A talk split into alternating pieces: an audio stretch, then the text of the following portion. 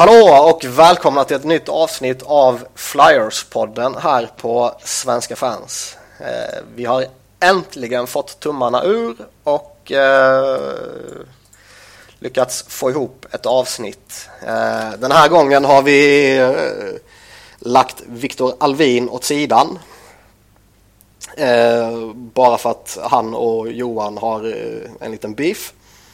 Men Johan Gertner är ju med som vanligt och eh, med oss den här gången har vi också den gode Andreas Jonsson. Välkommen Andreas! Ja, tack så mycket. Tack. Välkommen, välkommen. Eh, En, en, jag jag ska börja med att vara ett as. Rätt att säga, Jonsson heter jag faktiskt. Jonsson till och med! Oj, oj. Ja. Jag bara förutsatte det var Kan Jonsson. inte ens göra introt rätt. Men det här är, det här är eh, inte första gången kan jag säga. Det är, eh, det är ingen som någonsin har satt mitt efternamn eh, rätt på första försöket faktiskt. Om jag ska vara ärlig. Nej, då, då känner jag mig lite nöjdare. Men det var intressant att Johan inte fick avstå på grund av den här beefen ändå. Det, Nej, alltså jag... Klart att jag vinner. Vicke viker ju, han viker ju ner sig. Han, ja, han vek ner sig. Och Ja. när man viker ner sig så förtjänar man att få lite hat på sig. ja, det är klart. Och det är skönt att jag får komma in här nu som någon sorts eh, balanssättare på något sätt. Ja, och räddare i nö- nöden var det till och med. Åh herregud. Eh, Stora skott att fylla. Men eh, ja, du kan väl börja med att berätta vad du är för snubbe. Ja, Falköpingsbo nere i Skaraborg. vad ska man säga? Skaraborg, enda NHL-proffset är ju Anton Strålman då från Tibro. Eh, så det är i området. Själv har jag ju inga stora hockeymeriter mer än att jag gillar att kolla på hockey. Ja, det är ändå så stor merit. det, och det är ju ganska bra när man ska eh, vara med i Flyers-podden. Flyers-fans sen, eh, jag måste säga, sen Peter Forsberg faktiskt eh, gick till Flyers. Jag följde honom och så fastnade jag sen eh, i Philadelphia. Jag hängde inte med till Nashville. Förståeligt. Ja, och eh, ja, jag vet inte. Journalist är jag också. Jag jobbar lite här och lite där på olika, i olika medier. Bland annat har jag varit på Sveriges Radio eh, och så. Så det är jag, Andreas Jonsson. Det låter väl helt okej. Har ni koll på mig nu? Ja. Bra. Eh, vi börjar väl helt enkelt då hoppa in på eh, ja, den stora blockbustern som vi fick eh, häromdagen här när Flyers dumpade iväg Peter Straka till New Jersey mot en Herregud. conditional seventh rounder. Är det här något att eh, sörja liksom? Nej, alltså grejen med hela traden är ju att det bevisar hur bred Lehigh Valley-truppen är. Med tanke på att han var den tredje bästa målgöraren förra året. Mm. Eh, och har varit healthy scratch och då har väl antagligen hans agent sagt att eh, ja, jag vill gärna bli tradad och så, för, för att få speltid. Och då har de väl tittat runt och så det bästa de kunde få var från Devils då. Grejsa. Det, det bästa är... någonting alls. typ. Nej, jag tänkte säga det. Det bästa är conditional seventh Ja. rounder. Han gjorde ändå 19 baljor i AHL förra året så det är ju en mer än okej AHL-spelare. Absolut. Han Absolut. hade ju med, med Flyers tror jag också. Vad sa du? Jag tror han gjorde en match eller två matcher. Tre till och med. tre matcher och gjorde två assist. Så jag menar, ja. Men det är grejen är att det är ju egentligen, de skänker ju typ bort honom. Ja. Det, det, är väl, det är väl det enda då man kan tycka att... eh, Alltså han är ju... Han har ju... Han är ju 24 år eller så och liksom... Eh, kanske inte be- bevisat jättemycket men det känns som att... Han, han blir ju som sagt helt gratis. Man kanske kunde fått någon, något annat tillbaka än bara ett conditional seven men... Ja. Jag vet inte, jag sörjer inte jättemycket över det där faktiskt. eh, Om jag ska vara ärlig. Det känns som att vi har ändå... Vi klarar oss ganska bra.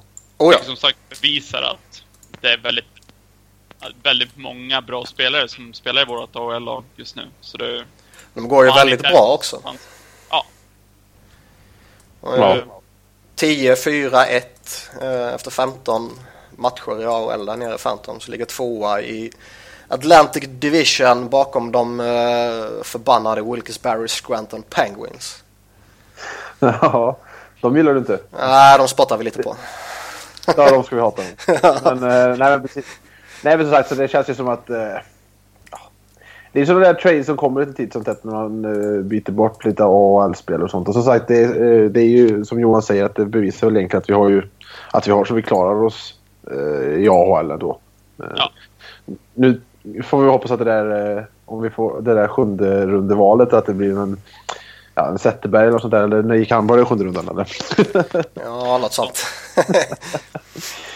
jag, jag, jag tycker alla Straka, han visade ju ändå lite positiva intentioner när han var uppe och gjorde de här tre matcherna. Det uh, och det kändes som att man kanske ja, hade en, en vettig spelare för bottom six på gång. Men sen föll han ju bort lite och kom ännu lite längre ner på sin death chart. Och ja, till slut så blev han ju överflödig bevisligen. Och, han, hade ju, han hade ju en jättebra början förra året tror jag det var. När han mm. hade, om det var 15 mål på 15 matcher eller någonting sånt där. Det var det var nog riktigt galet på gång och då tänkte man oj vilket steg han har tagit. Men sen så... Sen blev han skadad. Han fick någon skada mm. och så, ja. Blev det inte så mycket mer. Men ja. Kanske han blir eller får större chans i Devils för de verkar ju inte ha jätte... De har ingenting. de har Taylor Hall och sen så har de lite annat folk i den, i den glömma Josefsson, han är jätteduktig. ja, just det. Josefsson också, ja. Nej, men som sagt, det, det, känns som att det är ganska logiskt. Uh, och det är som du säger, Devils har väl lite mera större, större problem med uh, anfall än vad Philadelphia har faktiskt. Så att, mm. Det gynnar nog båda parterna det här. Gör det. Eh, vi har ju en annan liten eh, silly season snurr som om man vill kan koppla det till Philadelphia. Och egentligen hade vi väl med det här i det ursprungliga körschemat eh, mest för att vi ville mobba Viktor lite eftersom han är djurgårdare och eftersom eh, Niklas Grossman kopplade samman med Djurgården. Eh, ja. Han ska ju vara på väg till SHL nu sägs det. Och hur tror vi lite så här kort bara att han klarar sig i Sverige om det skulle bli så? Inte alls. Nej. Nej.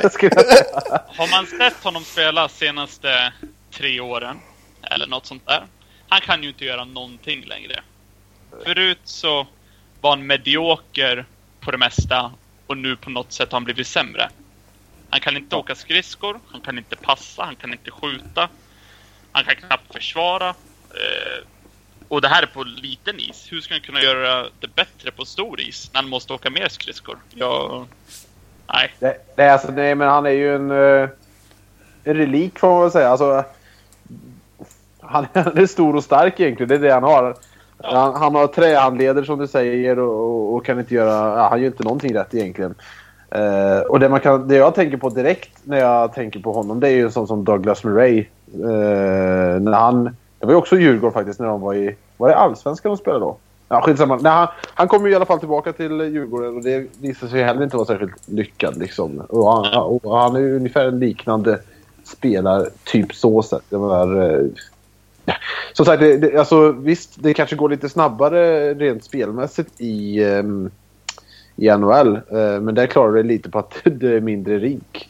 Så uh, står du lite bättre till där så kan du ju uh, ja, klara dig. Men eh, som sagt i SHL där det är större, större rink och alltihopa. Han kommer ju bli en kona rakt igenom. Liksom. Det går ju faktiskt rätt fort i SHL också. Det är en rätt bra liga om man pratar ett större perspektiv internationellt och så vidare. Mm. Så det är inte det är inte bara att kliva in i SHL och dominera som om det vore någon liten skräpliga. Nej. Sen är det, alltid, det är alltid lite svårt så när det kommer tillbaka sådana här spelare. Alltså, Oliver Lauridsen som var några snäpp bakom Grossman gjorde det ändå bra i Frölunda och var ju väldigt uppskattad där. Ja. Han är ju mycket bättre än vad Grossman är. Ja, och det är väl en hel del, måste jag säga.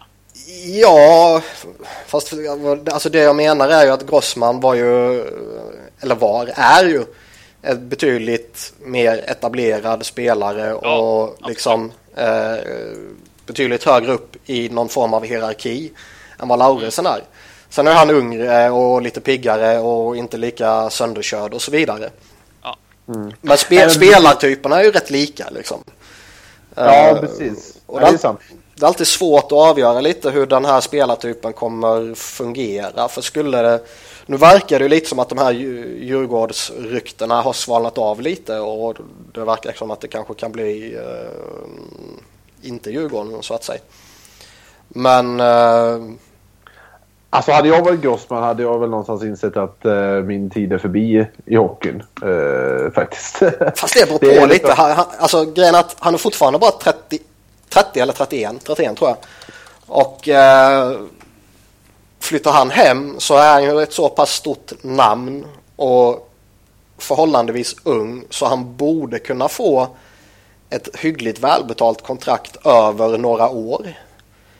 Och liksom, det- visst, han har, han har tjänat mycket pengar och han behöver väl inget, inga, inte några fickpengar extra sådär. Men alla vill ha mer pengar. Ja, men så är det. Han kommer ju säkert kunna hitta ett lag eh, som vill ha honom. Men jag tror ju det kommer bli en flopp eh, i vilket fall. För att han kommer ju, han kommer ju bli... Det är som du säger, alltså visst eh, NHL kanske är lite snabbare men SHL är ju såklart eh, det är ju en snabb ligare med. Och, och man ser ju överlag att hockeyn är liksom... Det blir bara snabbare och snabbare och, och, och de backarna som kommer fram nu, ja, det är ju inga stay at home-backar liksom. Utan eh, backar ska vara snabba och mobila liksom. Och det är, ja, de ska vara allt som Grossman Inte inte, är. och, och grejen är den att också att jag tycker det är så lätt eh, och, och liksom dra den här kopplingen. Alltså för laget. Ja, men han har ju spelat i NHL så han borde ju kunna göra ganska bra. Fast jag menar. Nej, Grossman som sagt, han kom, eh, jag menar hans tid i Calgary var ju den här säsongen en stor flopp. Det var väl någon match tror jag han låg bakom två baklängesmål liksom eh, med felpassningar och liknande. Alltså, Eh, nej, han, det ska ju sägas att eh, innan de här skadorna, när han kom till Philadelphia, så, var, så fyllde han funktionen han skulle fylla väldigt väl. Jag skulle till och med säga att han var bra. han var, han var faktiskt bra. Eh, och de som följer mig på Twitter vet att jag är inget fan av Grossman. Jag har sagt rätt mycket skit om honom senaste åren. Eh, men han fyllde ju en funktion då. Men det är ju just de här skadorna som har gjort att han har blivit... Han var ju redan långsam då, men att han har blivit ännu långsammare och ännu sämre. Och ja, jag ser inte hur han ska kunna bidra med någonting till ett SHL-lag. Alltså, alltså det, det, det enda som jag ser som borde kunna vara en bra lösning det är ju om han hamnar i ett lag där han hamnar lite längre ner i deras försvarsbesättning. Alltså i ett lag som har kanske tre stycken riktigt bra backar redan och där han kan ta en Ja. lite mindre roll och han kan spela PK och lite begränsade 5 mot 5 minuter. Eh, Jag säger inte att han kommer göra succé men det, det är väl i den rollen jag skulle kunna tänka mig ha honom så att säga. ja, absolut. Problemet Nej, är väl fortfarande att han är så pass stort namn och att han förmodligen kommer så, få så pass mycket betalt att man kommer förvänta sig eh, hela paketet av honom. Precis. Ja. Nej men jag tror precis, det är väl det, är väl det som är grejen. Att det är så... Det känns som att SHL-klubbar fortfarande blir lite blinda av att den här spelaren eh, spe, spelade nyss i NHL liksom och tänker någonstans att ja, men då borde han ju platsa här.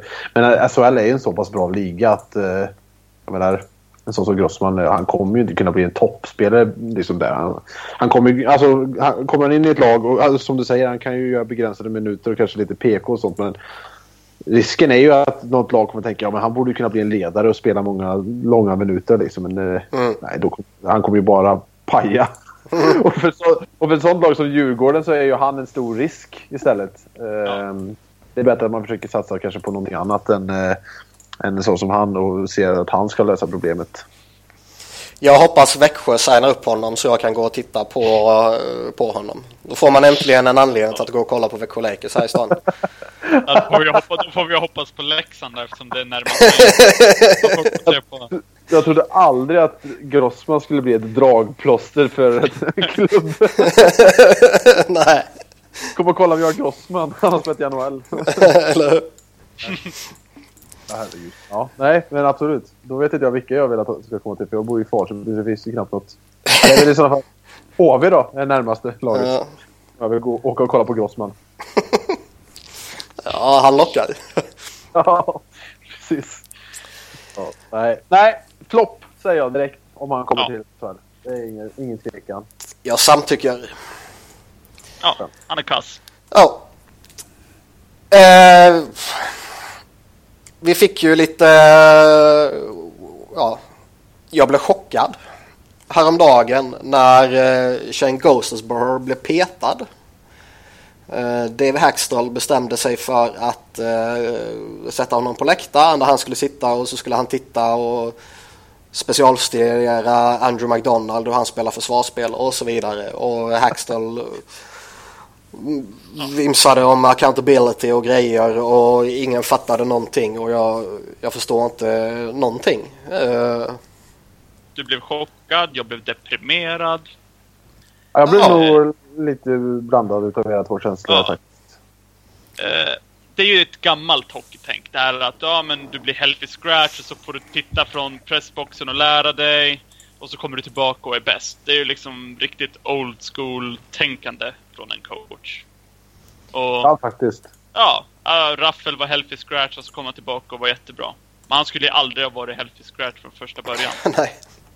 Och du kan ju inte scratcha din bästa offensiva back som styr tillsammans med Giroud ditt första PP och så sätter du in Andrew McDonald som är kass på alltihop.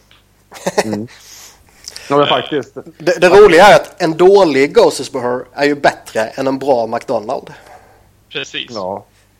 Ja, och absolut. det här att man ska hållas accountable, det är ju självklart, men det, det är ju inte... Det är många som ska scratcha- scratchas innan eh, Ghost uh, Ja. petas.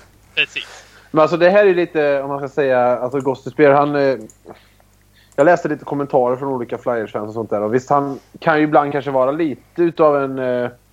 Fortfarande göra lite små misstag och tappa pucken på blå och sånt där. Och, men som sagt, det är som ni säger, en, en dålig Gostispear är ju bättre än en, eh, en bra McDonald. Och eh, jag, jag ser lite learn by doing. Jag menar, det är inget som förväntar sig att han ska vara... Alltså han, han är ju enligt mig, alltså, jag menar, så som han spelar nu, är ju, jag är ju supernöjd med honom. Liksom. Eh, och jag, det är ju ingen som förväntar sig att han liksom ska styra upp hela jävla försvaret. Så jag tycker att han ska få spela. Och så får man väl se problemet bland de andra spelarna, så som bland annat Andrew McDonald. Jag tycker det känns lite märkligt faktiskt att stryka honom. Det känns, ja, jag inte, det känns som ett konstigt statement bara av någon anledning. Som att han... Ja. Men det var, det var precis som att han ville peta någon av eh, ett stort namn. Eh, för att sända någon form av eh, budskap liksom. Mm. Ja. Och Ja, men precis. då, då väljer man, du petar ju inte Giroud eller Voracek eller Simmons liksom. Eh, utan då, då tar Ghosten nog lätt att peta på det sättet. Ja. Men, jag men sen tycker jag också det är märkligt inför vilken match man gör det. För visst var det inför Winnipeg också som man blev scratchad, eller? Jo. Ja, det var det. Ja. Och då tänker jag någonstans att jag menar, Winnipeg är ju, är ju ett, ett snabbt lag och liknande. Alltså bland annat framförallt typ Patrik Laine och Mark Scheifele och alla de där. Eh, och då tar man den backen som kanske faktiskt kan hålla uppe tempot och slänger in liksom ja, stora klumpiga McDonald istället. Det är liksom ja, väldigt konstig prioritering i en sån match. Ja, man såg ju Ja. direkt, eh, Andrew McDonald var ju en stor orsak till 3-2 målet, tror jag. Där det var lite klapp-klapp och mot just Winnipeg när han skulle försvara och typ slänger sig huvudet först mot Winnipeg-spelaren. Alltså, Ja, jag vet inte, inte vad det där var. Det var... var inte det bara att han var trött på typ att spela? Ja. ja alltså jag, jag kan inte ens förklara vad det var han förskötte göra. Det var, är ingen som kan det var komiskt. Det är inget Det var så kunnat göra dåligt. Och det skulle ju sägas att eh, just det här med att Ghost Despair, han har ju inte varit världsbäst den här säsongen hittills. Men det har ju inte någon av backarna varit, förutom Brandon Manning som är våran eh, Norris Trophy-kandidat. Eh, Niklas Lidström reborn. ja, men han har ju fortfarande varit, det var ju snackat om, ja men tänk om man har en sophomore slump eller sådär. Jag tror han är on pace för runt 45 poäng eller något sånt där. Ja, över sånt. 82 matcher. Och, och sätter han 45 poäng sin andra säsong i NHL, då är jag helt okej med det. Sen Oh, ja. har jag ju haft lite att han har tappat puckar och eh, sådär, men då har ju varenda försvar försvarsspelare gjort, och forwards. Det har ju varit Ja, och är det du, är lagförsvaret som har varit helt värdelöst hittills. är du en kreativ spelare så kommer du alltid tappa puck. Men han är ju, ja, men precis, han är ju en sån som... Eh, ja, alltså, en sån spelare liksom som eh, till exempel, ja, om vi kollar typ John Klingberg, Erik Karlsson-typen, liksom en offensiv spelare som spelar på liksom gränsen hela tiden. Eh, Och då kommer de här missarna. Och han är liksom 23 år. Jag menar... Eh, backar tar ju oftast längre tid att utvecklas och liknande. Eh, och som sagt, många snackar om... eh, Alltså, man snackar ju alltid om den här andra års förbannelsen, liksom att det ska kunna bli lite jobbigare. Men jag menar, så som han spelat nu är ju ingen förbannelse. Visst, han kanske har en liten svacka, men det är liksom inte så att han är urusel. Så jag tycker att jag menar, eh, han spelar ju över förväntan ändå på något sätt eh, om man skulle se till att han skulle ha en eh, f- lite sämre andra år. För det var ingen som förväntade sig att han skulle ta ett lika stort kliv igen. Så jag menar, Mm. nej, så att jag tycker... Han är ju absolut inte problemet till att det går dåligt för Philadelphia. Nej. Nej. Eh, han är egentligen en av de som gör att man faktiskt har lite framtidstro. här. Så är det. Sen har jag har väl... Vad ska man säga? Egentligen har väl inte jag några problem med att coachen petar spelare om han anser att spelarna är för dåliga av någon anledning. Eh, Jag har egentligen inga problem med att han sätter Ghost på läktaren i en match och låter han sitta där och se eh, jävligt bitter ut. Eh, Det var, det, på tal, det var ju ett fantastiskt jävla bild när han sitter på läktaren och det är en kamera som lyckas zooma in honom. Och han lyckas med en totalt död jävla blick stirra rätt in i kameran. Och man Ja, bara ser, man bara ser all Ja. hans bitterhet liksom. Därför han sitter och kollar på Andrew fucking jävla McDonald spela hockey Ja. liksom. Nej, den var klockren. Men, men, men för att återgå till det jag började säga, liksom, jag har inget emot att en coach gör på det sättet. Om det funkar exakt likadant för alla spelare. Liksom, ska Ghost petas för att han inte är tillräckligt bra, då ska ju Bellemare och Van der Velde och liksom det gänget skickas väldigt långt bort. Matt Reed. Dale Weiss har ju varit helt Ja, ja. Ja, det... Sen, sen Weeze är ju lite kan vara lite känsligt också när eh, om du som coach och din chef har precis värvat in honom till ett fyraårskontrakt på eh, knappt 2,5 miljoner och du kanske inte vill peta han något av det första du gör under säsongen då. Där, där kan vara Nej. lite politik bakom det också. Han har ju varit healthy scratch en eller två matcher. Ja, ja. Eh, men där, där tror jag det kan vara lite politik sådär att han kanske får lite fler chanser än vad han skulle fått om han skulle haft tre säsonger i Flyers Ja. bakom sig. Men just det här liksom att man är så extremt fascinerad av Chris van der Veldes suveränitet. Alltså, han, han är liksom en nyckelspelare i ett av ligans sämsta numerära underlägen. ja. Det säger en hel del. ja. Jag hade förstått om han spelade varje match om Flyers penalty kill hade varit Bäst i fem ligan. Ja, och exakt. han hade varit en stor del utav eh, vårat eh, PK.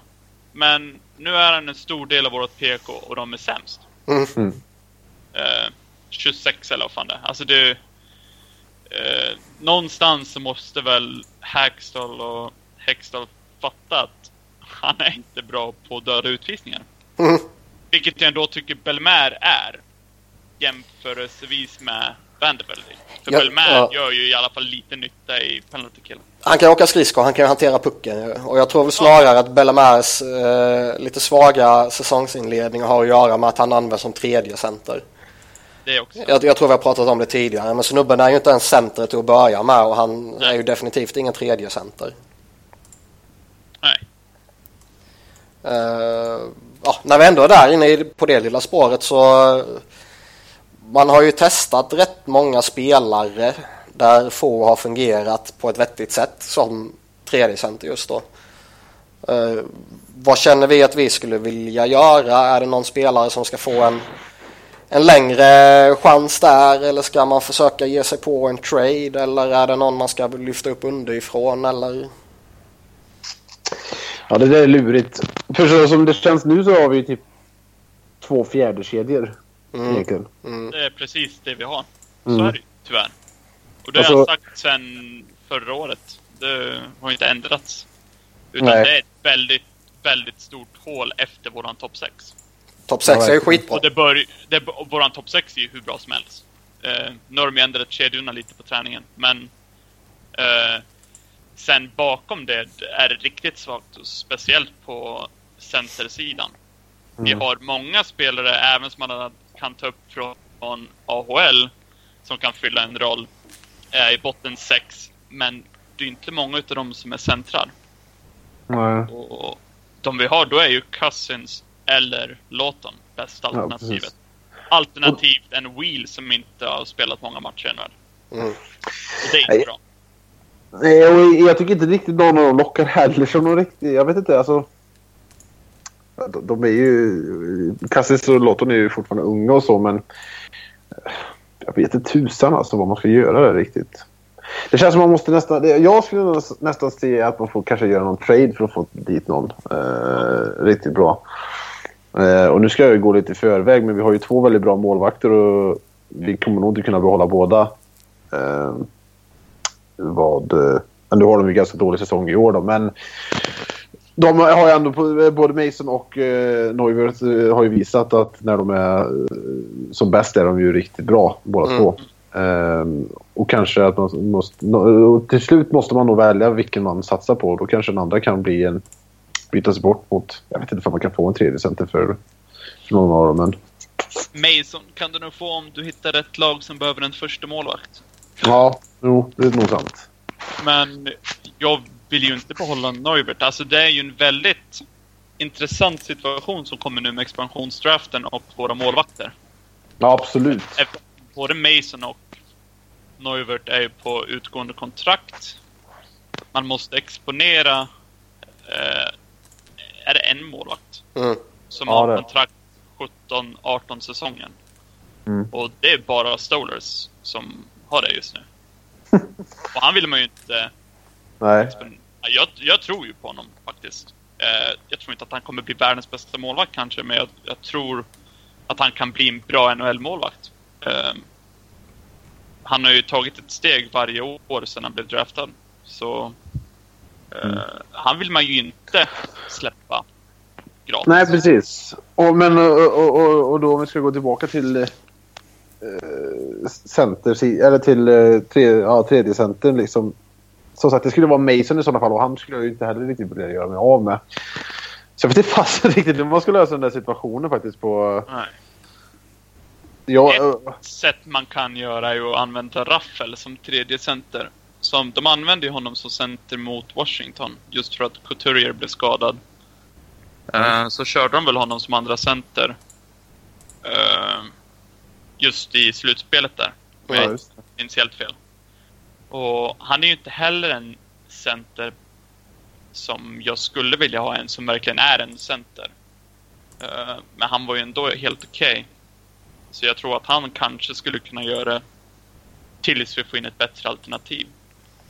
Det känns väl som att han är bästa alternativet idag i alla fall. Mm. Och det, det är ju egentligen allting man behöver veta för att se hur stort problem vi har i botten 6. Ja, verkligen. Men om man, om man då kollar utöver centern med en sån som Matt Reed. Han måste ju bort när... Alltså... eh, Jag blir, han började ju säsongen svinbra. Man tänkte ja, men nu kanske han faktiskt ändå... Han har försvunnit lite sen dess ja.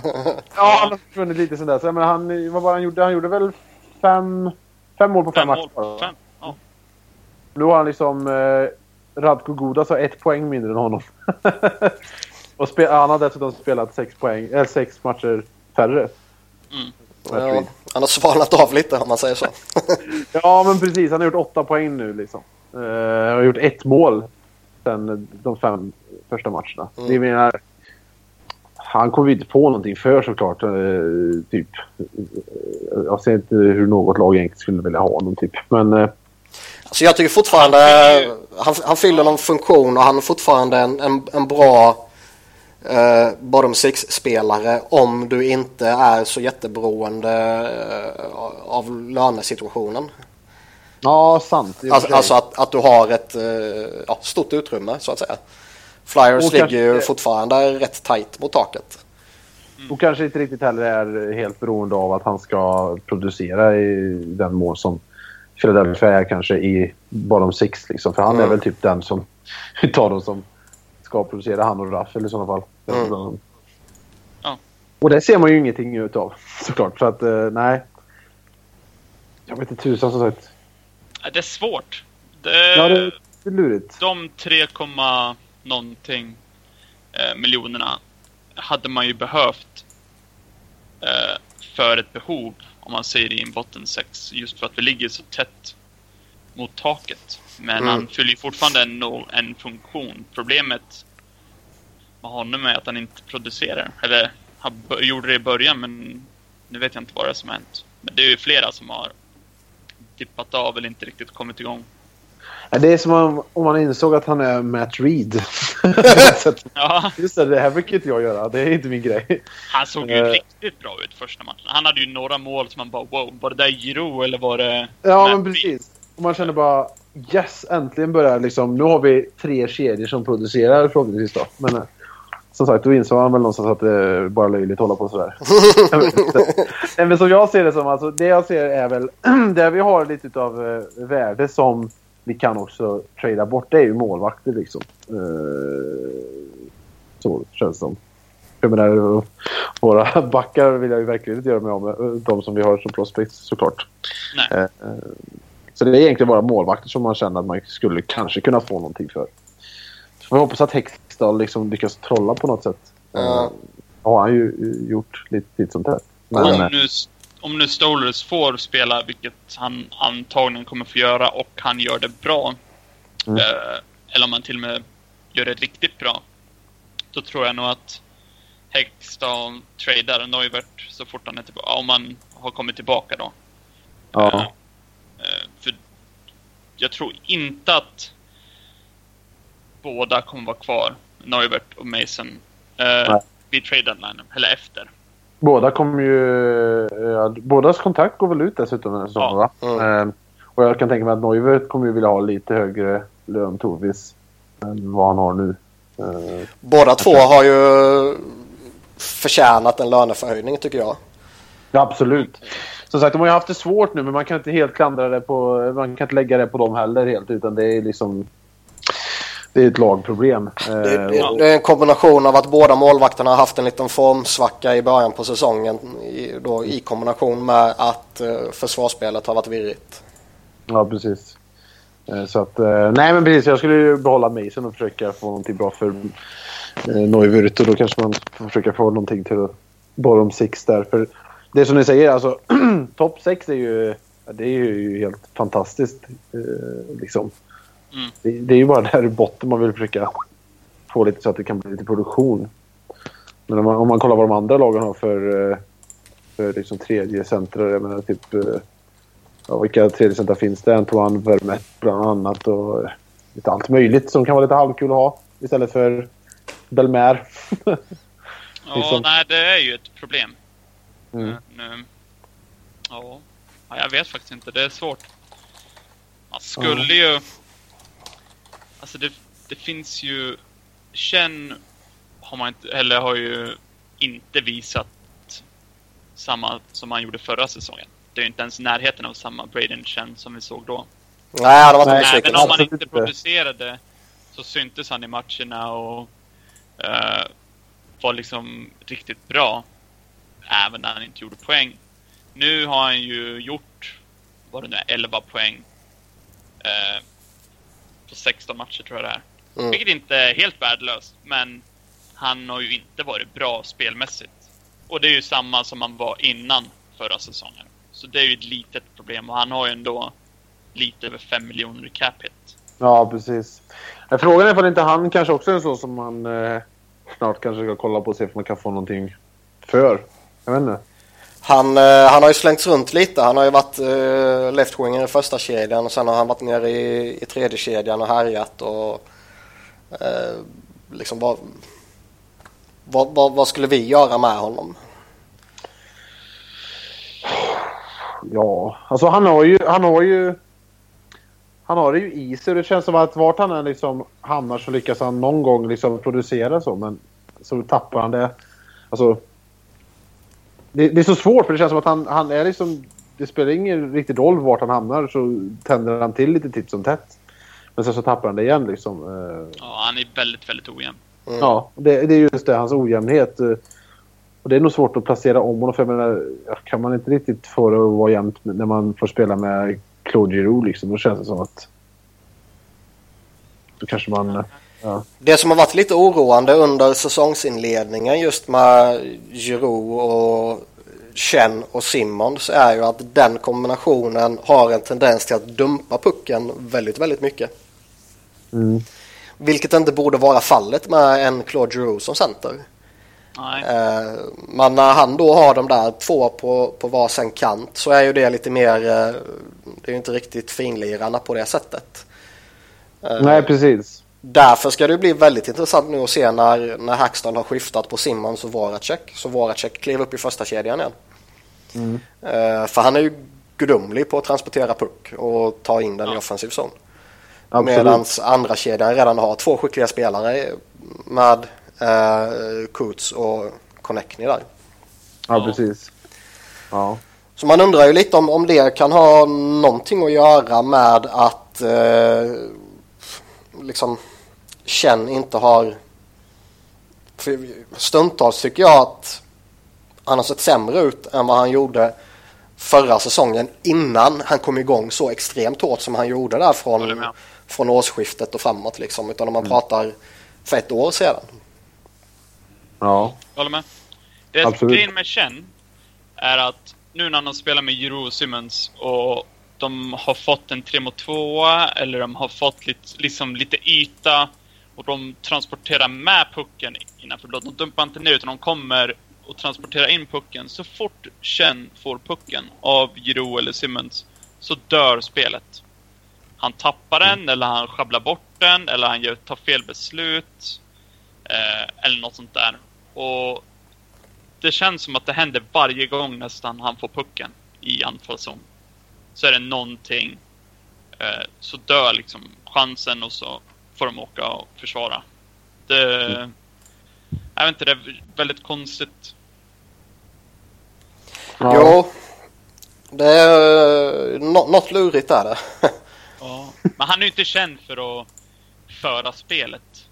Eh, och han har ju alltid gjort sina poäng, men problemet med honom har ju inte varit att han inte gör poäng eller mål. Det är ju att han försvinner ur spelet Mm.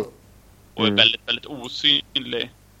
Eh, Och det var ju det som nej. gjorde att man var lite, eh, i alla fall jag var lite halvskraj för eh, kontraktsförlängningen. Jag tror vi till och med pratade om det i podden. Ja. Eh, För det, det stora problemet med honom det är ju den extrema ojämnheten. Och frågan är ju då för från, från årsskiftet fram till säsongsavslutning förra säsongen så var han ju en av ligans bästa spelare sett i produktionen. Det var liksom de allra, det var Crosby och det var Joe Thornton och det gänget som, som hade gjort fler poäng än honom i, i den perioden. Och nå- någonstans var ju då frågan, okej är det de sista månaderna när han gjorde så extremt mycket poäng eller är det de första månaderna där han var väldigt ojämn och försvann i sju matcher för att sen blixtra till i tre matcher? Liksom var det de första eller de sista månaderna som var representativa för Braden Chen? Och där man ju någonstans då lutar väldigt hårt på att det är de första tre månaderna eller vad det nu blir. Eh, där han var väldigt ojämn och den spelaren som vi beskriver att vi upplever nu igen. Att det är det som var sanningen.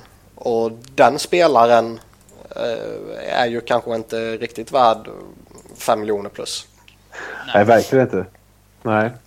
Det känns ju Och som det- att det är han är den stora spelaren när man ser i topp 6 som man kommer trada för att få in ett behov. En tredje center eller vad det nu är Hextall vill göra. Så Mm. känns det som att är den man kommer att trada. Ja, absolut. Men det värsta är ju att hans kontrakt gör det ju lite halvsvårt att trada honom med hans ojämna produktion. Liksom. Det är svårt att sälja in honom, men absolut. Det känns ju som att han är den som eh, hänger löst. Och som man dessutom kanske kan få någonting för om man har, om man har tur. Liksom. Går man ju bara in på siffrorna så ser ju så se, han gör ju fortfarande sina poäng. Så för Ja. en annan GM eh, så ser du ju fortfarande en topp 6-spelare. Mm. Eh, som alltid har blivit bättre poängmässigt varje år. Mm. Absolut. Eh, så jag tror inte att det är något lag som känner nej men vi vågar inte satsa på honom. Nej, det är sant i och för sig. Eh. Det tror jag inte. Men frågan är, man måste ju hitta rätt lag som just vill ha Chen och som har någonting som vi behöver. Jag hade ju tradat honom om jag hade tradat honom för en tredje center. Absolut. Eh, Mm. Och då är ju frågan sen, är Couturier en andra center? För rent produktionsmässigt hittills så är det ju... Det, det, Ja, det man inte vågar bra. ju inte kritisera Couturier för att det blir en jävla massa... Nej, gör du det så sparkar jag ut dig från podden. Uh, Nej, det, det, jag han där. lite mer produktion. Mm, När han ändå spelar med Connectney och Voracek. Mm. absolut. Ja, jag håller Man, med. exakt så känner jag med. Alltså man, eh, visst mycket man älskar med Couturier. Framförallt hans eh, tvåvägsspel och liknande. Liksom, eh, är ju fantastiskt. Men eh, det, det är som du säger, man skulle vilja se att han gör lite mer poäng.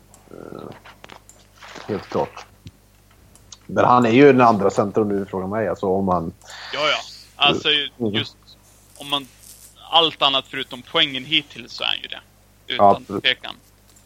Eh, och han kommer ju säkert att komma igång mer med produktionen, det tror jag. Just om laget lyfter. Uh, för nu har de ju varit väldigt ojämna. Mm. Så jag är inte... eh, vad ska man säga? Jag är inte rädd för att han inte kommer att ta ett steg offensivt. Men Alltså, nu, man vill ju att han bara ska göra det någon gång, för nu har han ju för första gången två bra spelare i sin kedja, fast nu har de ju bytt då, eh, på Mm. träningen senast. Men fortfarande liksom bra linemates, det hade han ju inte innan. Nej, absolut. han är ju on pace för 35 poäng nu. Och eh, förmodligen så lär han ju poängen börja trilla in igen. Och jag tror ju inte, alltså han är on pace för 13 assist. Där tror jag inte han står på när säsongen är klar. Nej. Nej. Absolut inte. Nej, men som sagt, men hela laget har ju tappat lite nu nu de senaste matcherna. Eh, och jag tror att han, men jag tror att som sagt, han kommer ju komma igång. Och han, han är ju, gör ju sig värdefull på andra sätt också än eh, Ja. produktionen som tur är. Eh, det är bara hoppas som sagt att produktionen kommer igång lite så vore det, ju- det är ju finemang Det faktiskt. är det enda man egentligen kan klaga på. Visst, Han är, Absolut. inte, han är inte jättesnabb. Och jag hade jättegärna sett han jobba på sin skridskoåkning. För ibland så är han lite för långsam i vissa lägen. Ja, Men annars än det, så ja. Det, det är svårt att inte gilla honom. Ja, När verkligen. man ser att han, han är så nära och liksom verkligen ta det där nästa steget. Man vill bara att han ska ta det.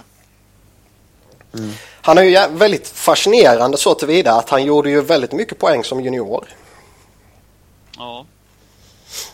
Och s- sen kom han in i NHL och blir någon form av, eh, vad heter det, defensivspecialist. Ja, och, och, och har liksom inte alls, alltså bara för att du gör mycket poäng som junior så ger ju inte det någon garanti på att du kommer fortsätta göra det i NHL. Men Nej. Eh, Man ser ju väldigt många skitspelare i NHL som gjorde väldigt gott om poäng som juniorer. Men man ja, tycker ju ändå att gör, gör du väldigt mycket poäng så bör du ändå ha någon del i ditt spel som eh, man bör kunna se någonting av i NHL också. Och riktigt Ja, det har man inte sett ju. Även Nej. om, även om förra säsongen eh, 39 poäng på 63 matcher. Det, det är ju en solid säsong. Absolut. Men som sagt, eh, nej. Det, det, det, ja, jag vet inte. Jag vet inte riktigt ifall det finns någonting som indikerar heller på att det ska släppa för honom att han ska bli en bättre eh, producerande spelare så sätt att han ska verkligen eh, få det där lyftet. Det Eller- sägas Så det är väl Han kedjekamraterna. spelar ju i andra PP-uppställningen som har Ja. varit helt bedrövlig. Verkligen helt katastrof sämst i flera år nu. Ja, för första gången på flera år börjar se bra ut om man bara kollar på namnen. Och då kommer ju problemet sen att de spelar på fel kant. Ja, vi har pratat om det varje podd Ja. tror jag. Och det är så jävla Eh, Om man korkat. tänker realistiskt, om de hade satt den på, på andra, på högerkanten i powerplayet och styrt därifrån. Eller kanske till och med ha honom framför mål. Eh, på Simmons plats om man säger så. Mm. Så tror jag att han hade gjort kanske mellan 5-10 poäng mer på en säsong. Bara i powerplay. För just nu så tror jag nog, nu vet jag inte alls hur mycket powerplay-poäng han har senaste åren, men det kan ju inte vara många. Det kan, det kan inte vara mer än fem, tror jag. Eh, Nej, för andra, och då sagt, åker han andra ju upp förra säsongen på runt, vi säger 45 poäng på 63 matcher. Ja, sant i och för sig. Så, Ja. eh, ja. Nej, det är sant. Och, nej, men precis. Och, Men han, han är ju en sån som ska egentligen vara framför mål om du frågar mig. Känns ju han som en Ja. lite, mer sån, lite mer gritty spelare ändå faktiskt. Han är ju... Ja, precis. Nej, och det, men det, det är som du säger att andra, bara att andra powerplay har ju, väldigt sällan... Alltså det är ju så många gånger man har sett matcher när man bara, och, och liksom Claude Giroux och de, de bara snurrar runt och har sig liksom. Och sen så kommer andra kedjor in när, eh, när liksom motståndarna har och man känner bara Ja, det var det. Det var det. Du liksom, Det är liksom blir, ja, men då blir det 65 liksom, sekunder kvar och det är redan slut på PP. Ja, men precis. Vi dumpar in pucken och så försöker vi få tag på den igen, men det går inte liksom. Och det är bara dumpas. Nej, precis. Det är, det är huvudvärk det andra powerplayet. Är helt- Men just spelmässigt har de ju faktiskt sett helt okej ut. Eh, inte gjort mål kanske, men det har inte något av powerplayen gjort senaste två matcherna. Men just så spelmässigt och om man kollar vad de har för spelare, för nu har de Connectny, Couturier, Reed, ja, och så på... eh, Provorov och. Strite. Mm.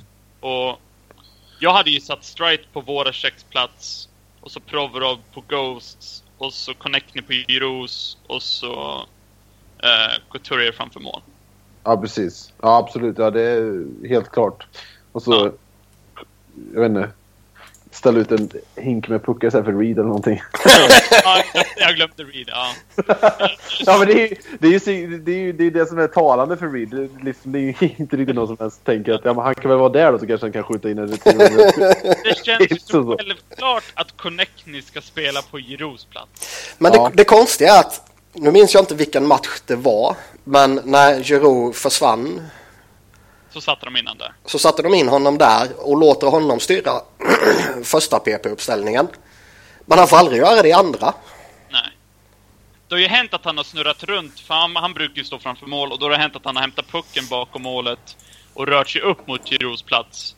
Och så fort han har tagit sig dit, det har hänt två, tre gånger, eh, och varje gång så har han lagt en riktigt sjuk pass till antingen Provorov eller eh, vem det nu har varit som har varit liksom strite eller sådär. Alltså Ja. rakt igenom två, tre spelare på bladet, lägger sig perfekt och det har blivit målchans. Ungefär som om Giroud skulle ha gjort det själv. Mm. Och det ser ju en hel del med tanke på att han antagligen är NHLs bästa powerplay-spelare. Ja, precis. I alla fall passare. Men jag... Men jag undrar vad, vad, det beror på då? Är det, är det, är det Hextall som har uh, inte riktigt litat på Connecting? tror Ja, precis. Joe Mullen kan ju också. Eller att man inte litar på Connecting någonstans att han ska vara en uh, spelfördelare än. Jag menar, Alltså, han har man- bevisat att han har talangen. Man verkar ju inte lita på honom fullt ut i eh, typ tvåvägsspelet eller i synnerhet defensiva spelet. Eh, sent i matcher när det kanske eh, man, man försvarar en, eh, en ettmålsledning så får han ju kanske eh, kliva åt sidan och så slänger man in en Dale Weiss eller något i, i andra kedjan istället. Men man tycker ju att det ska ju verkligen inte vara ett problem under powerplay. Nej. Nej. Eh, jag håller nödvändigtvis inte med om att eh, han är en defensiv säkerhetsrisk. Med tanke på att man aktivt väljer att spela typ Van der Velde när man eh, vill försvara en ledning. Jag tycker, jag tycker han är en större defensiv säkerhetsrisk. Ja. Nej, men det, jag, det jag anser någonstans är, eh, som många säger, liksom, och, att bästa försvaret är ju att inte ha pucken i egen zon. Såklart. Mm. Och har du ett Vendevälde och eller, eller liknande så då kommer ju pucken vara i din zon. För de kommer ju inte driva några, de kommer inte, de kommer ju inte driva några längre anfall liksom. Det, det, precis. det finns inte på världskartan. Har de tur kanske de kan åka upp och göra ett mål. Men de kommer aldrig ha, de kommer aldrig ha något så längre anfall nästan. Så att jag menar, och då är ju Connecting på det sättet en bättre försvar, alltså försvarsmässig spelare också. För att Mm. menar, han kommer ju ha pucken där uppe troligtvis. Kommer Connecting har ju inte... Uh, Connecting har ju inte varit världsbäst eh, i försvarszon. Men det har Nej. inte någon av dem varit. Och det folk verkar glömma är att han är rookie i världens bästa liga. Ja. Eh, och han, det är ett nytt system, nya lagkamrater, allting är nytt. Mm. Och, liksom, och det tog ett år nästan för alla veteraner i Philadelphia att vänja sig med Hackstalls system. Innan Mm. det började att klicka Mm. ordentligt. Och, Absolut. och så dåligt tycker jag inte han har varit försvarsmässigt. Åh nej, inte alls. Och, och, och, precis, men å, återigen liksom så bästa sättet att försvara sig är ju att inte låta det andra laget anf äh, anfalla mot dig och då är ju en sån som Ja. Connect bättre än Vandevelde för Vandevelde kommer inte liksom hålla något. Han kommer ju vara i egen zon liksom. och Ja, och får han pucken så kommer han ju flippa iväg den till motståndarna eller slå den till icing. ja precis. Eh, Medan Connecting faktiskt kan behålla pucken inom laget. Nej, precis att eh, nej. Och då kommer man ju tillbaka till andra PP't. Ja. Roten till allt det onda. Alltså det... Jag blir så förbannad så... De vill, de vill ju att Couturier ska styra andra PP't. Mm. Så är det. Ja, det har jag inget emot. Låt Nej. dem göra det, men gör det fan på rätt plats då. Ja, alltså jag blir så förbannad. De, när de väl får igång ett passningsspel och så går den tillbaka till Couturier som måste ta två skär inåt i banan innan han kan skjuta. Ja, då har ju varenda motståndare ställt sig i linjen och så blir det ingenting. Nej. Eh, Det är så dumt. Nej, verkligen. Nej, han, borde ha en bättre, han borde ha en liknande plats som Wayne Simmons liksom, på något sätt styra därifrån antar jag. Men, men han ska ju inte vara... Nej. Och märkligt. Nej. Eh, ska vi hoppa tillbaka och blicka lite mot försvaret och Michael Del Soto. Mm. Han missade ju rätt lång tid där slutet på förra säsongen och lite i början här. Och hur tycker vi att han har sett ut sen sin comeback? Inte bra. Nej. Inte bra. Eh, Det är förståeligt att det tar lite tid att komma in i det igen. Men han har ju varit... eh, Just på det här målet jag sa med McDonald så var ju Del Sotto också en stor del av just det målet och ett liknande mot Tampa där han gör någon spinorama. Han har gjort några sådana konstiga grejer. Jag förstår inte vad det är han försöker göra. Just det målet mot Tampa så hade han ju kunnat försökt att satt klubban mot pucken. Alltså istället för att börja en jävla... Bra idé. Ja men alltså så försöker... Revolutionerande försvarsspel. Ja, liksom ett vanligt försvarsspel. Ja. Enda, jag tror det är det Palazzo som gör det? Eller vem är det Jag minns gör inte. Det, Tampa-spelen i alla fall gör en, en liten skottfint och sen liksom går runt honom medan han gör någon spinorama försvarsgrej som aldrig kommer fungera. Spelar han bara ett normalt försvarsspel och sätter klubban mot puck så blir nog inte det där någonting. Mm.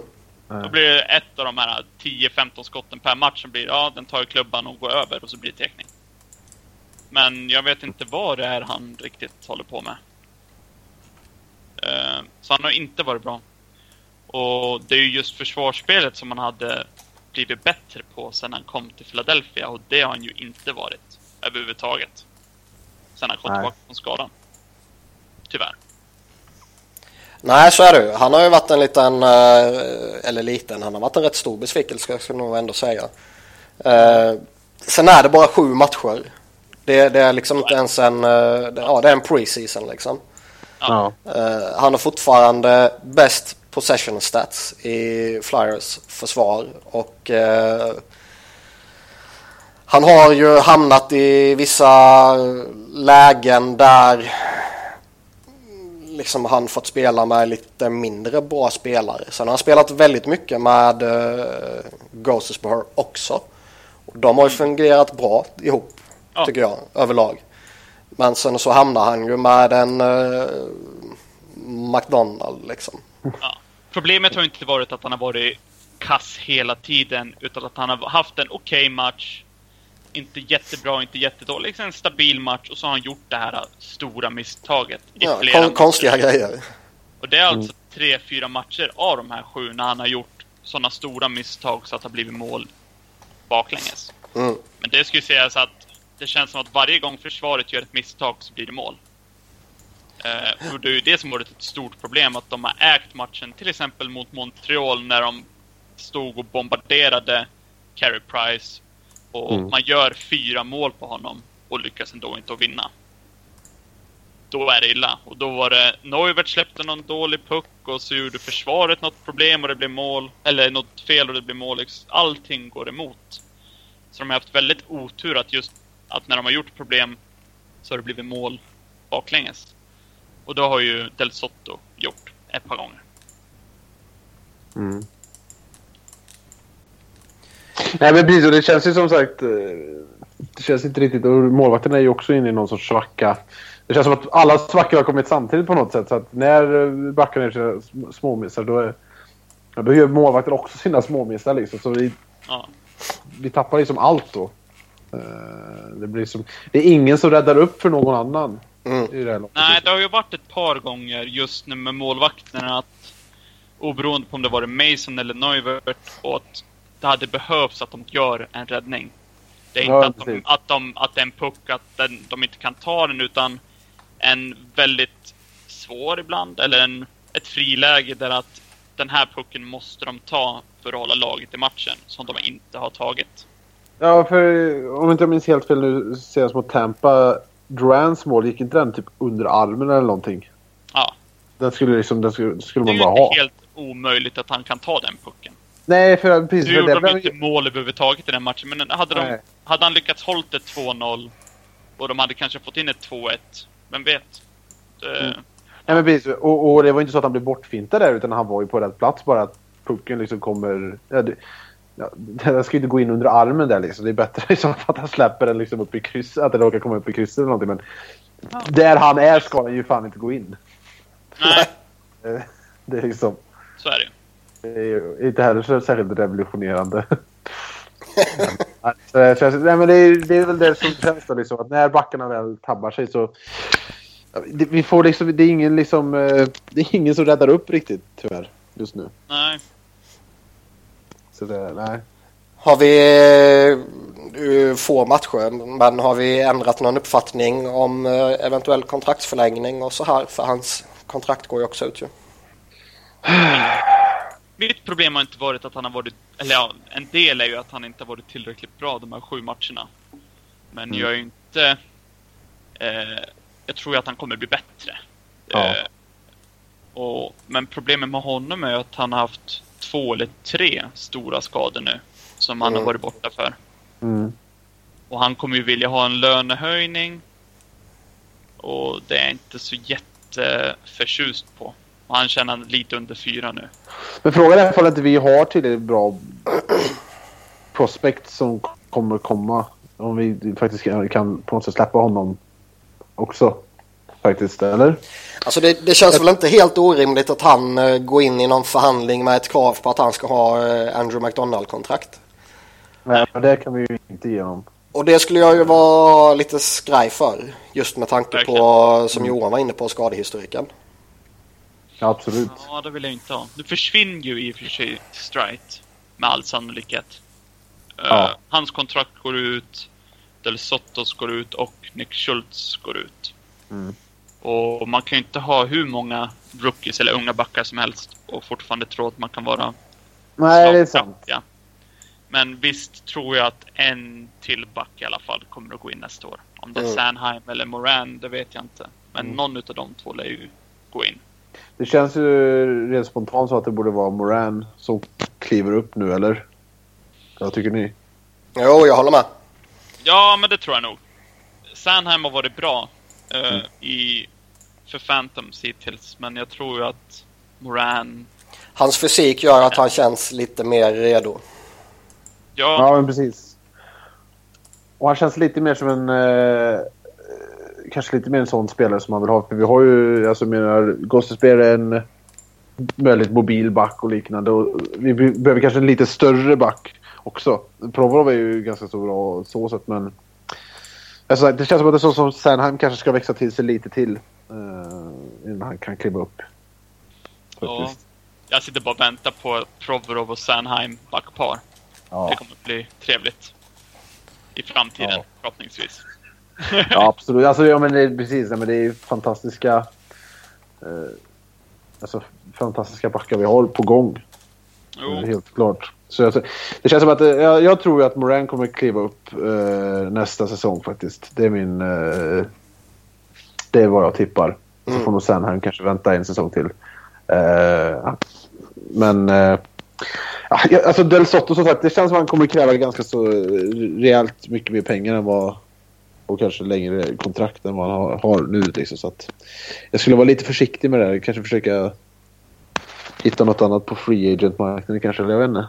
Allt beror ju på vad han kommer att kräva. Vad han vill ja. ha. Uh, Absolut.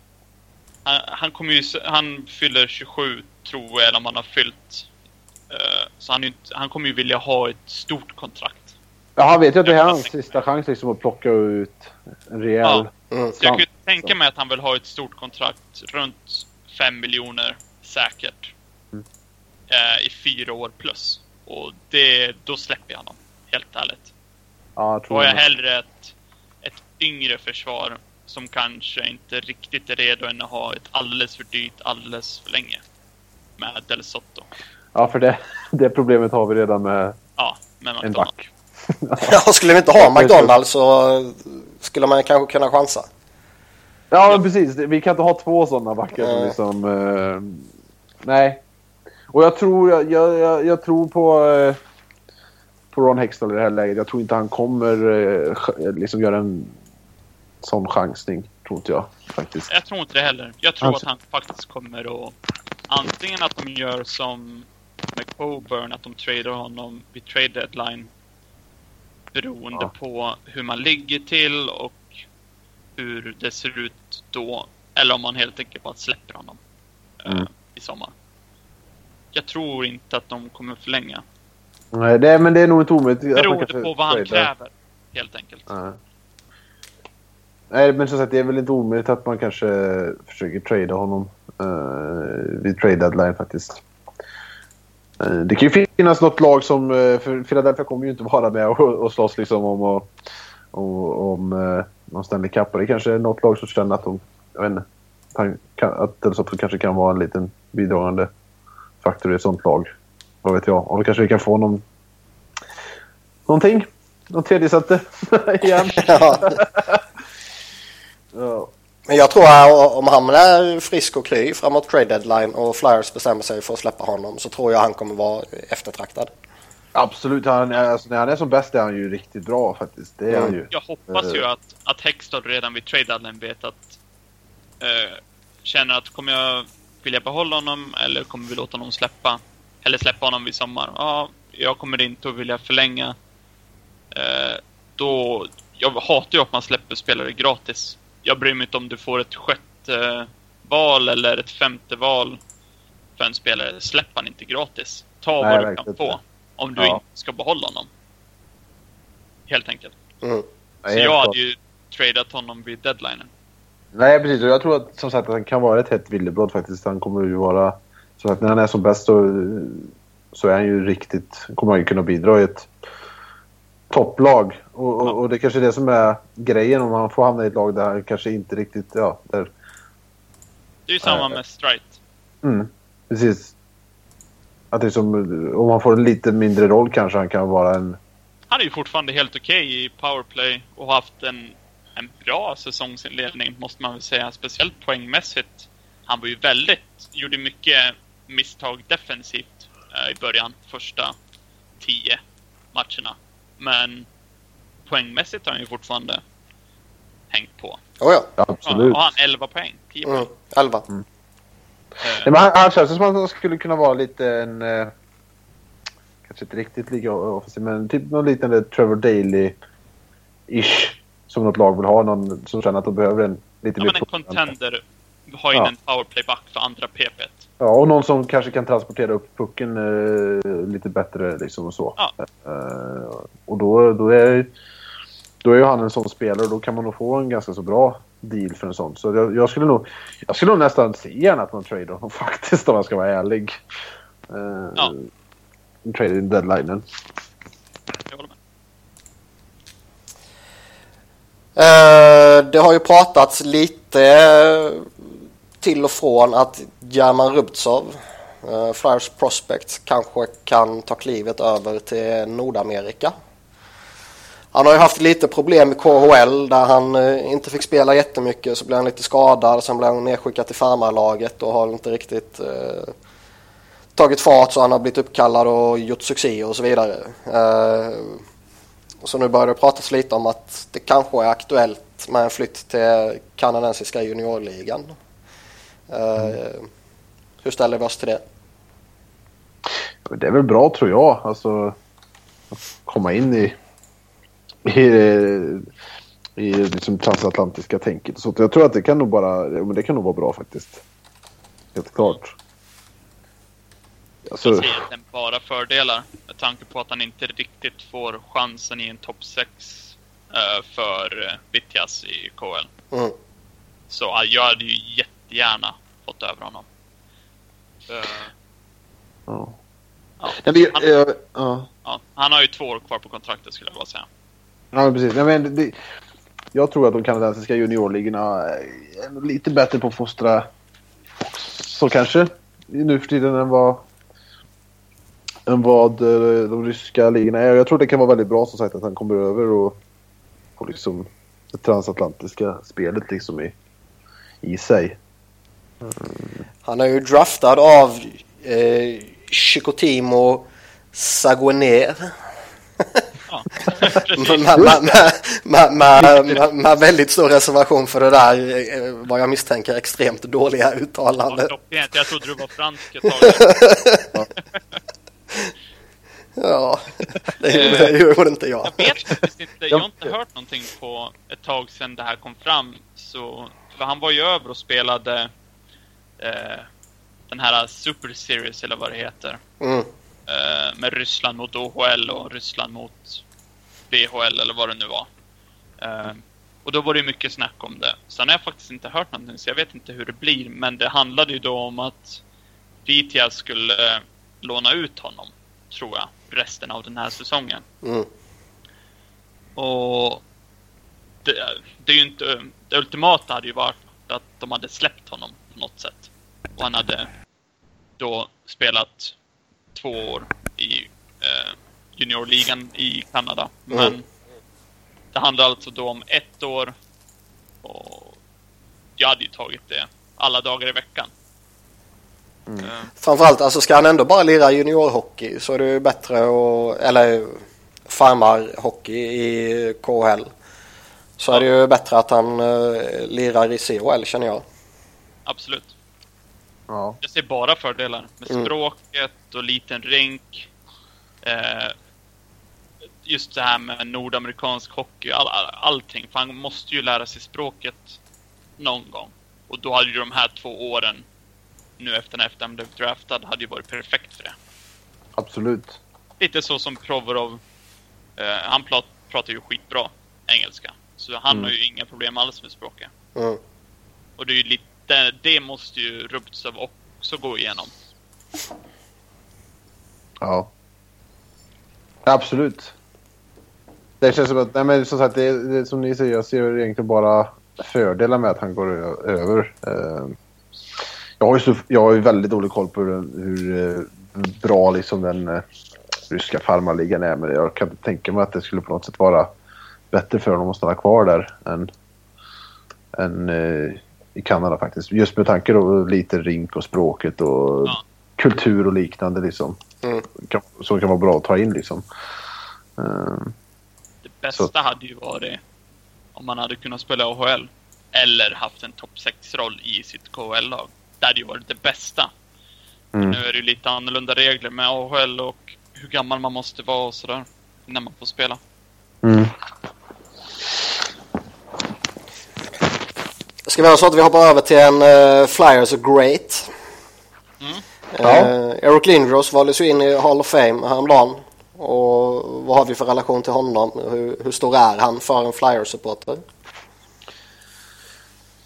Jag är ju egentligen lite för ung eh, för att ha upplevt honom eh, under hans storhetstid. I och med att jag är född 92. Så att jag, och jag hade inte via play på den tiden. ja, när han var som bäst. Men alltså, nej, men alltså han är ju... Det, det man hela tiden kommer tillbaka till när man tänker på honom är ju lite... Uh, what could have been liksom. Med tanke på Scott Stevens. Uh, som... Mm. Uh, ja. ja. Det vet alla hur han... Uh, Det är sista gången vi säger hans namn i den här podden, ska vi säga. han är lite som våld för oss. Man får inte Ja. namn egentligen. Scott Stevens. Nej men han pajar ja, alltså... Han pajar ju en hel del. Men Erik Lindros hade ju en jävla bra... Alltså det som när han väl var liksom hel så... Framförallt, framförallt hans säsong liksom 95-96. eh, Med 115 poäng så jag menar det är ju... Även fast man inte upplevde honom så vet man ju... Alltså förstår man ju storheten i honom liksom. Det finns ingen spelare i modern tid som har kunnat dominera eh, hockeyn på precis alla aspekter så jävla hårt som Eric Lindros gjorde. Han var ju verkligen komplett. Han kunde finta sig förbi dig, han kunde åka förbi dig, han kunde åka igenom dig och han kunde liksom passa sig igenom allting. Ja. Eh, han var ett fysiskt jävla monster och i slutändan var det, ju det som dödade honom också som, som du var inne på då med, med tanke på att eh, här och där mötte han ju andra fysiska monster som han inte hade gjort i juniorligan. Nej precis. Eh, så det skulle ha varit oerhört fascinerande att följa honom eh, under en frisk karriär så att säga. Men han är ju lite egentligen ironiskt nog som Peter Forsberg på det här planet. Som också fick sin... Alltså, menar, han var ju också en komplett spelare och liksom blev spolierad av olika skador hela tiden. Eh, precis likadant här känner man ju här att det hade varit så intressant att se hur Erik hade kunnat vara liksom utan hjär- hjärnskakningsproblem och liknande liksom. Mm, Eh, ja. För då tror jag att han hade absolut... Alltså för det, men det tog ju rätt lång tid innan han blev eh, Hall of Fame-vald. och man- Det känns, det känns som att han inte riktigt varit lika självklar även fast han var så dominant på grund av att han fick stora delar av karriären eh, Jag tror- förstörd.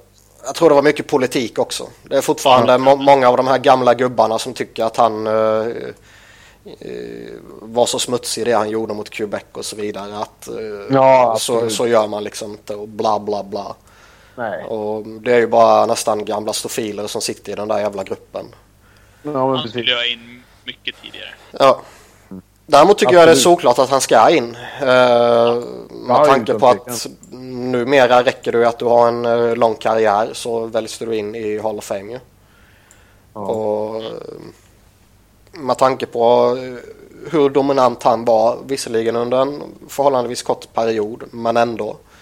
Så tycker jag att han är rätt självskriven i Hall of Fame. Ja, men alltså, jag, jag ser ju någonstans Hall of Fame är ju... Kriteriet är ju någonstans att du har eh, under någon gång i din karriär visat att du är en av de absolut bästa i liksom ligan. Och det gjorde han ju. Eh, Erik Lindros som visade att han är ju alltså, top notch liksom i ligan. och då ska du ha en plats där och det skulle vara tidigare än så här. Jag menar, det, känns som att det är ingen tvekan. Jag menar, som sagt, hans eh, toppnotering med 115 poäng där 96, 95 och även hur han tog... eh, Alltså hur han ledde Philadelphia liksom. Det känns som att eh, han skulle ha åkt in mycket, mycket snabbare än det här. Än vad han gjorde nu. Ja. Han, han avslöjade ju en sjuk jävla grej också i samband med den här Hall of Fame-ceremonin. att Paul Holmgren hade försökt övertala honom till comeback 2012.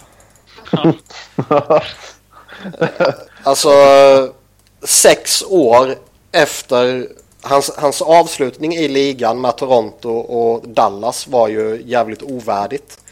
Men det var också lite skador och skit och sådär som gjorde sig påmint där. Men sex år efter det så ville alltså Paul Holmgren få en, eh, vad blir det, 39-årig Eric Lindros att göra comeback.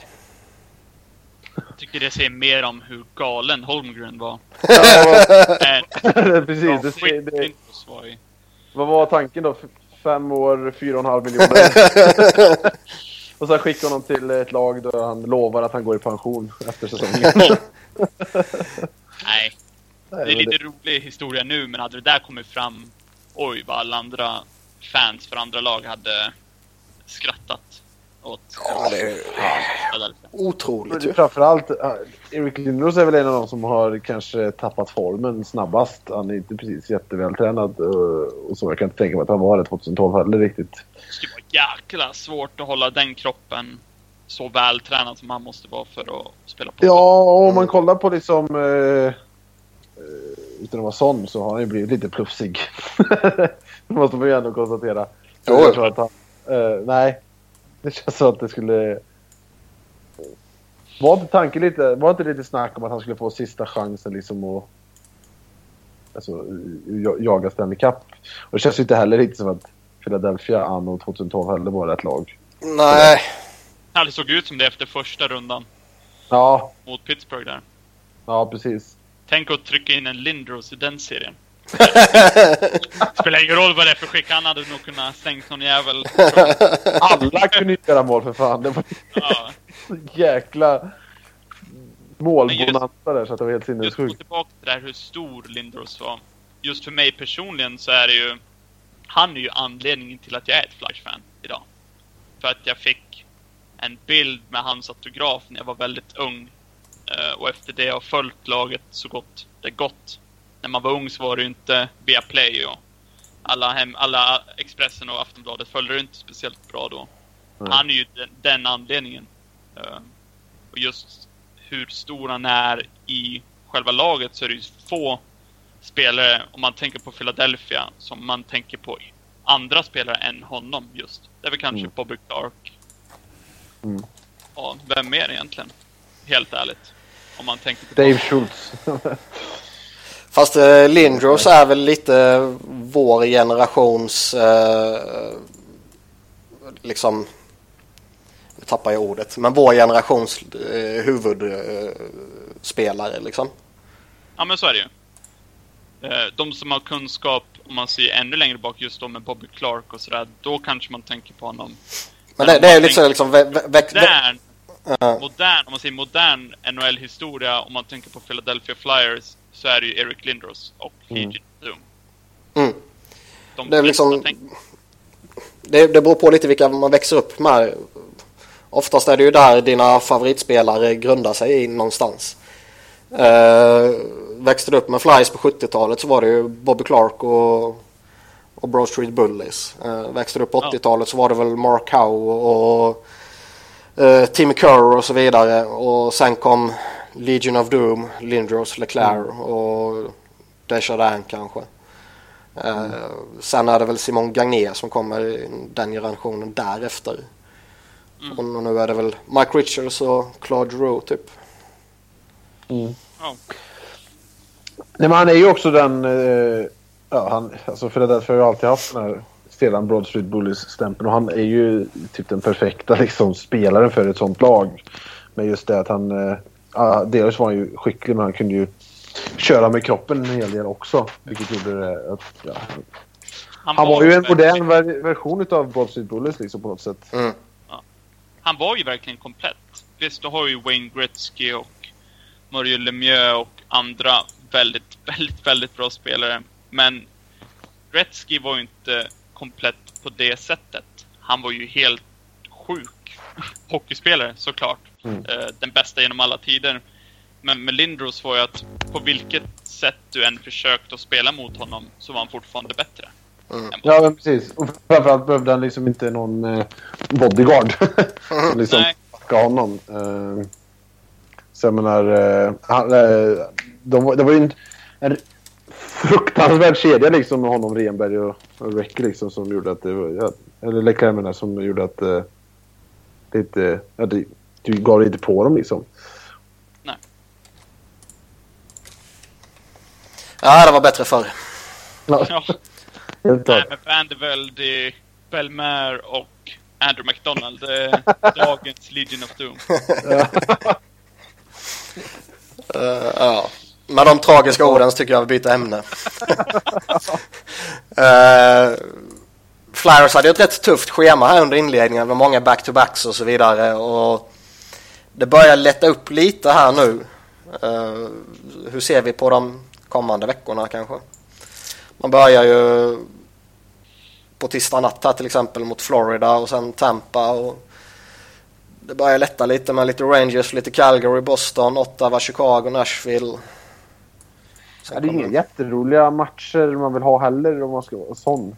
Uh. Nej, när jag menar lätta upp så menar jag mer kanske att det är några dagar mellan matcherna och att det är ja. uh, inte extremt många back-to-backs på kort tid. Nej, det är ju skönt i och för sig, men uh, precis, det är ju skönt. Det man kan känna dock är väl att som sagt det är en hel del tuffa matcher, bland annat då ja, Rangers som helt plötsligt på något sätt blivit ett topplag. Jag trodde det var botten ur i år, men de, var på något sätt nästan... Ja, det gör de ju. Eh, såklart. Eh, så det kommer väl botten ur någonstans. Förhoppningsvis då när de möter Flyers. Men... Eh, nej, men så att det är ju inga jättesköna matcher framöver så sett, men... Ja. Flyers har ju alltid haft problem med Florida-lagen senaste åren. Mm. Speciellt på roadtrippen. De spelar alltid mot båda eh, Florida-lagen eh, borta. Inte alltid back-to-back, men skulle inte förvåna mig om de förlorar båda två. Helt ärligt. Ja, nej, nej. Det Just känns ju givet. Just Tampa är jävligt bra och Florida är också jävligt bra. Uh, men just av någon anledning så är de dåliga när de möter dem på bortaplan. Uh, lite nästan som om när de hade problem med Rangers uh, 2012, 13 och 14 eller vad det var. De kunde inte vinna mot dem. Det är lite mm. den känslan jag får när man möter eh, Florida och Tampa. Och Florida var det inte när de mötte dem första gången på bortaplan som Mason släppte in åtta puckar eller vad fan. Jo. Eh, det ser man ju fram emot. Ja. ja, jag minns att Matt Reed gjorde hattrick någon gång mot Tampa Bay för två säsonger sedan. tror jag var. Då vann vi väl med 7-2 någonting. Det var två, tre säsonger sedan. Något. Ja, det hände ju. Men det är sådana tider. Ja. Det kommer inte hända nu. Kanske eh, gör sina tre mål och så har han gjort sina mål resten av säsongen. Ja, jag, är glad om, jag är glad om han är ute på isen när det blir mål i alla fall. Ja. Men eh, nej, som sagt, det, det skulle inte förvåna mig om vi förlorar. Alltså det är det som är tungt. Jag tror vi förlorar kanske mot Panthers och Tampa Bay och sen är det Rangers efter och de... Alltså, de lever ju på sin, sin eh, offensiv liksom och Lundqvist och är det någonting vi inte lever på så är det våran defensiv. så att... Um, tusan. Och inte just, just inte på målvakterna heller. Det som ska sägas just om den här roadtrippen till Florida är ju att det är back-to-back. Det kan betyda att Stolars får stå sin första match. Uh, det borde han få göra. Ja, jag tror jag att Mason spelar mot Florida, verkar det som från träningen. Uh, att han gick av isen först. Uh, och då kan det betyda att Stolars får stå mot Tampa. Och jag hade ju satt tvärtom om jag hade varit Jag hade ju inte satt in äh, Stolers mot Tampa borta. Nej, det är klart. Fast, fast ja. De har, de har större chans att vinna mot Florida. Då ställer du upp med bästa laget. I och för sig. Ja, och mot Tampa har han ingenting att förlora, Stollarts. Uh, släng in honom där. Han släpper fyra baljor mot Tampa med Kutjerov och gänget. Ryck på axlarna liksom. Ja. Du studsar tillbaka i nästa match. Uh... Ja. Jag hoppas ju någonstans att Stolars går in och storspelar och verkligen inte att han går in och tar första spaden. Det känns lite väl orealistiskt. Men att han går in och verkligen visar att han är redo att vara mm. backup. Ja, men han, han går in och tvingar dem att trada Neuwirth liksom. Ja, det, det mm. hoppas jag verkligen på. För jag tror att så länge han inte säckar ihop helt när han väl får chansen nu så kommer han att vara en av två målvakter. Vem som är första målvakt nästa år, det vet nog inte någon. Inte ens Sexton tror jag. Alltså det är lite det som gör att man är lite skraj för att säkra upp Mason på ett långt kontrakt. Mm. Uh, att vi har så fruktansvärt många unga målvakter på uppgång. Vilket gör att signar du upp Mason på ett långt och dyrt kontrakt så stänger du ju en stor del av deras möjligheter att komma fram. Ja. Mm. Inte minst Carter Hart som man valde i somras. Ja. Oj vad han har varit bra. Mm. Han var bra redan förra året, men oj vilken säsongsinledning han har haft Mm. eh, i eh, WHL.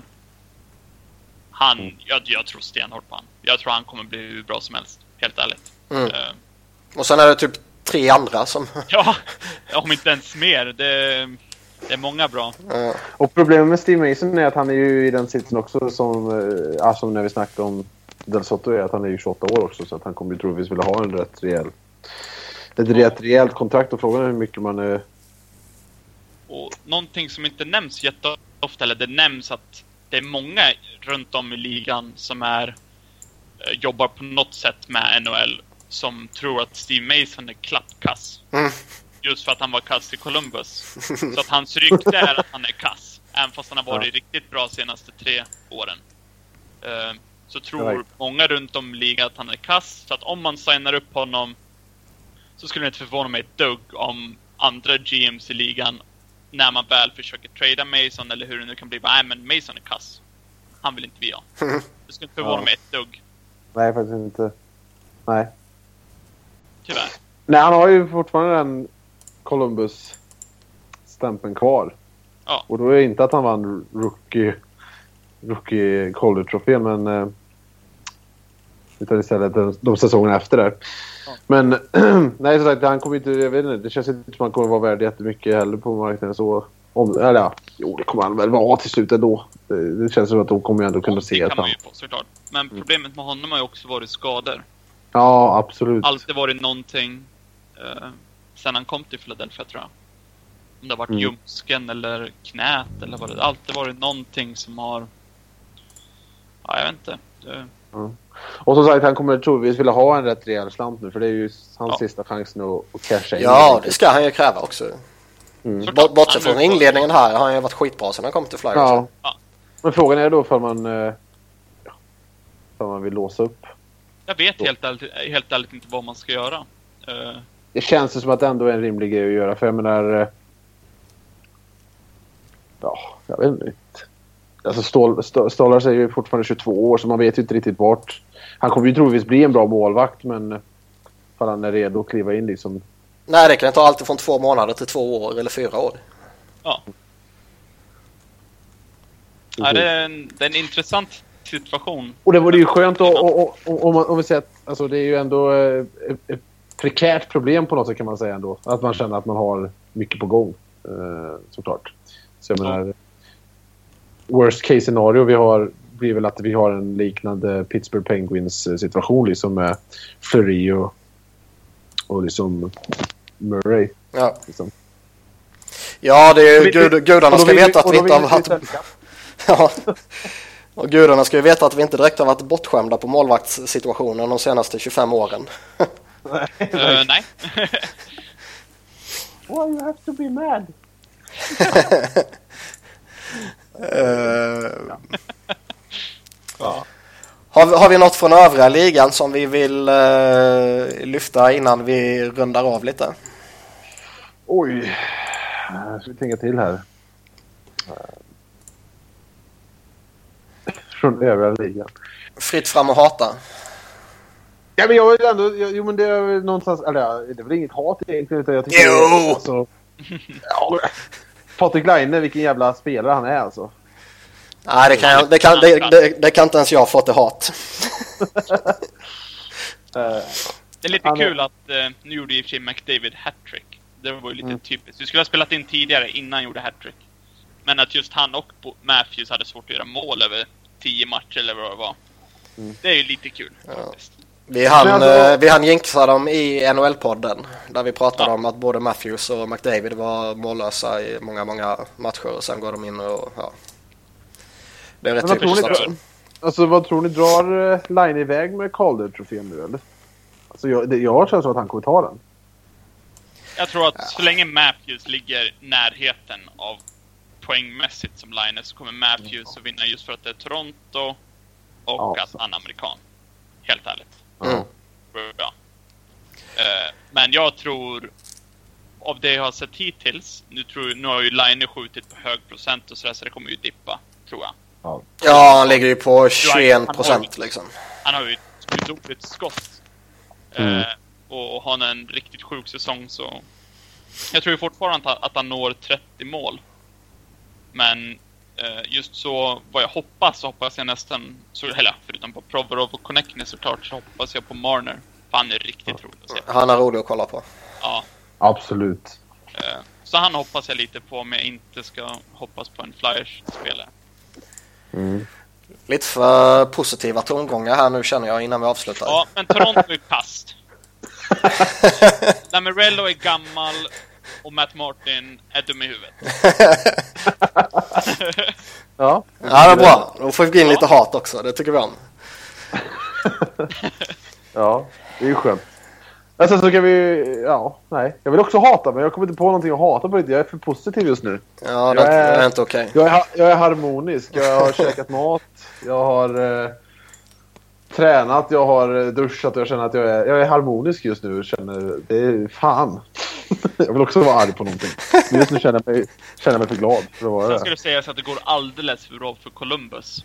Ja, ja, men det vill jag ändå hata. Det, fan! Det gör mig så frustrerad.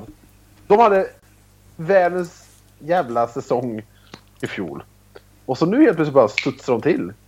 Och drar förbi alla. Ja, det är... Varför kan inte vi få en sån säsong? Men det är, de kommer ju fallera inom kort igen ju. Så är det ju. Och jag hade hoppats på att de skulle slänga ut John Tortorella med huvudet före redan liksom... eh, Nej, han ska ju vara kvar.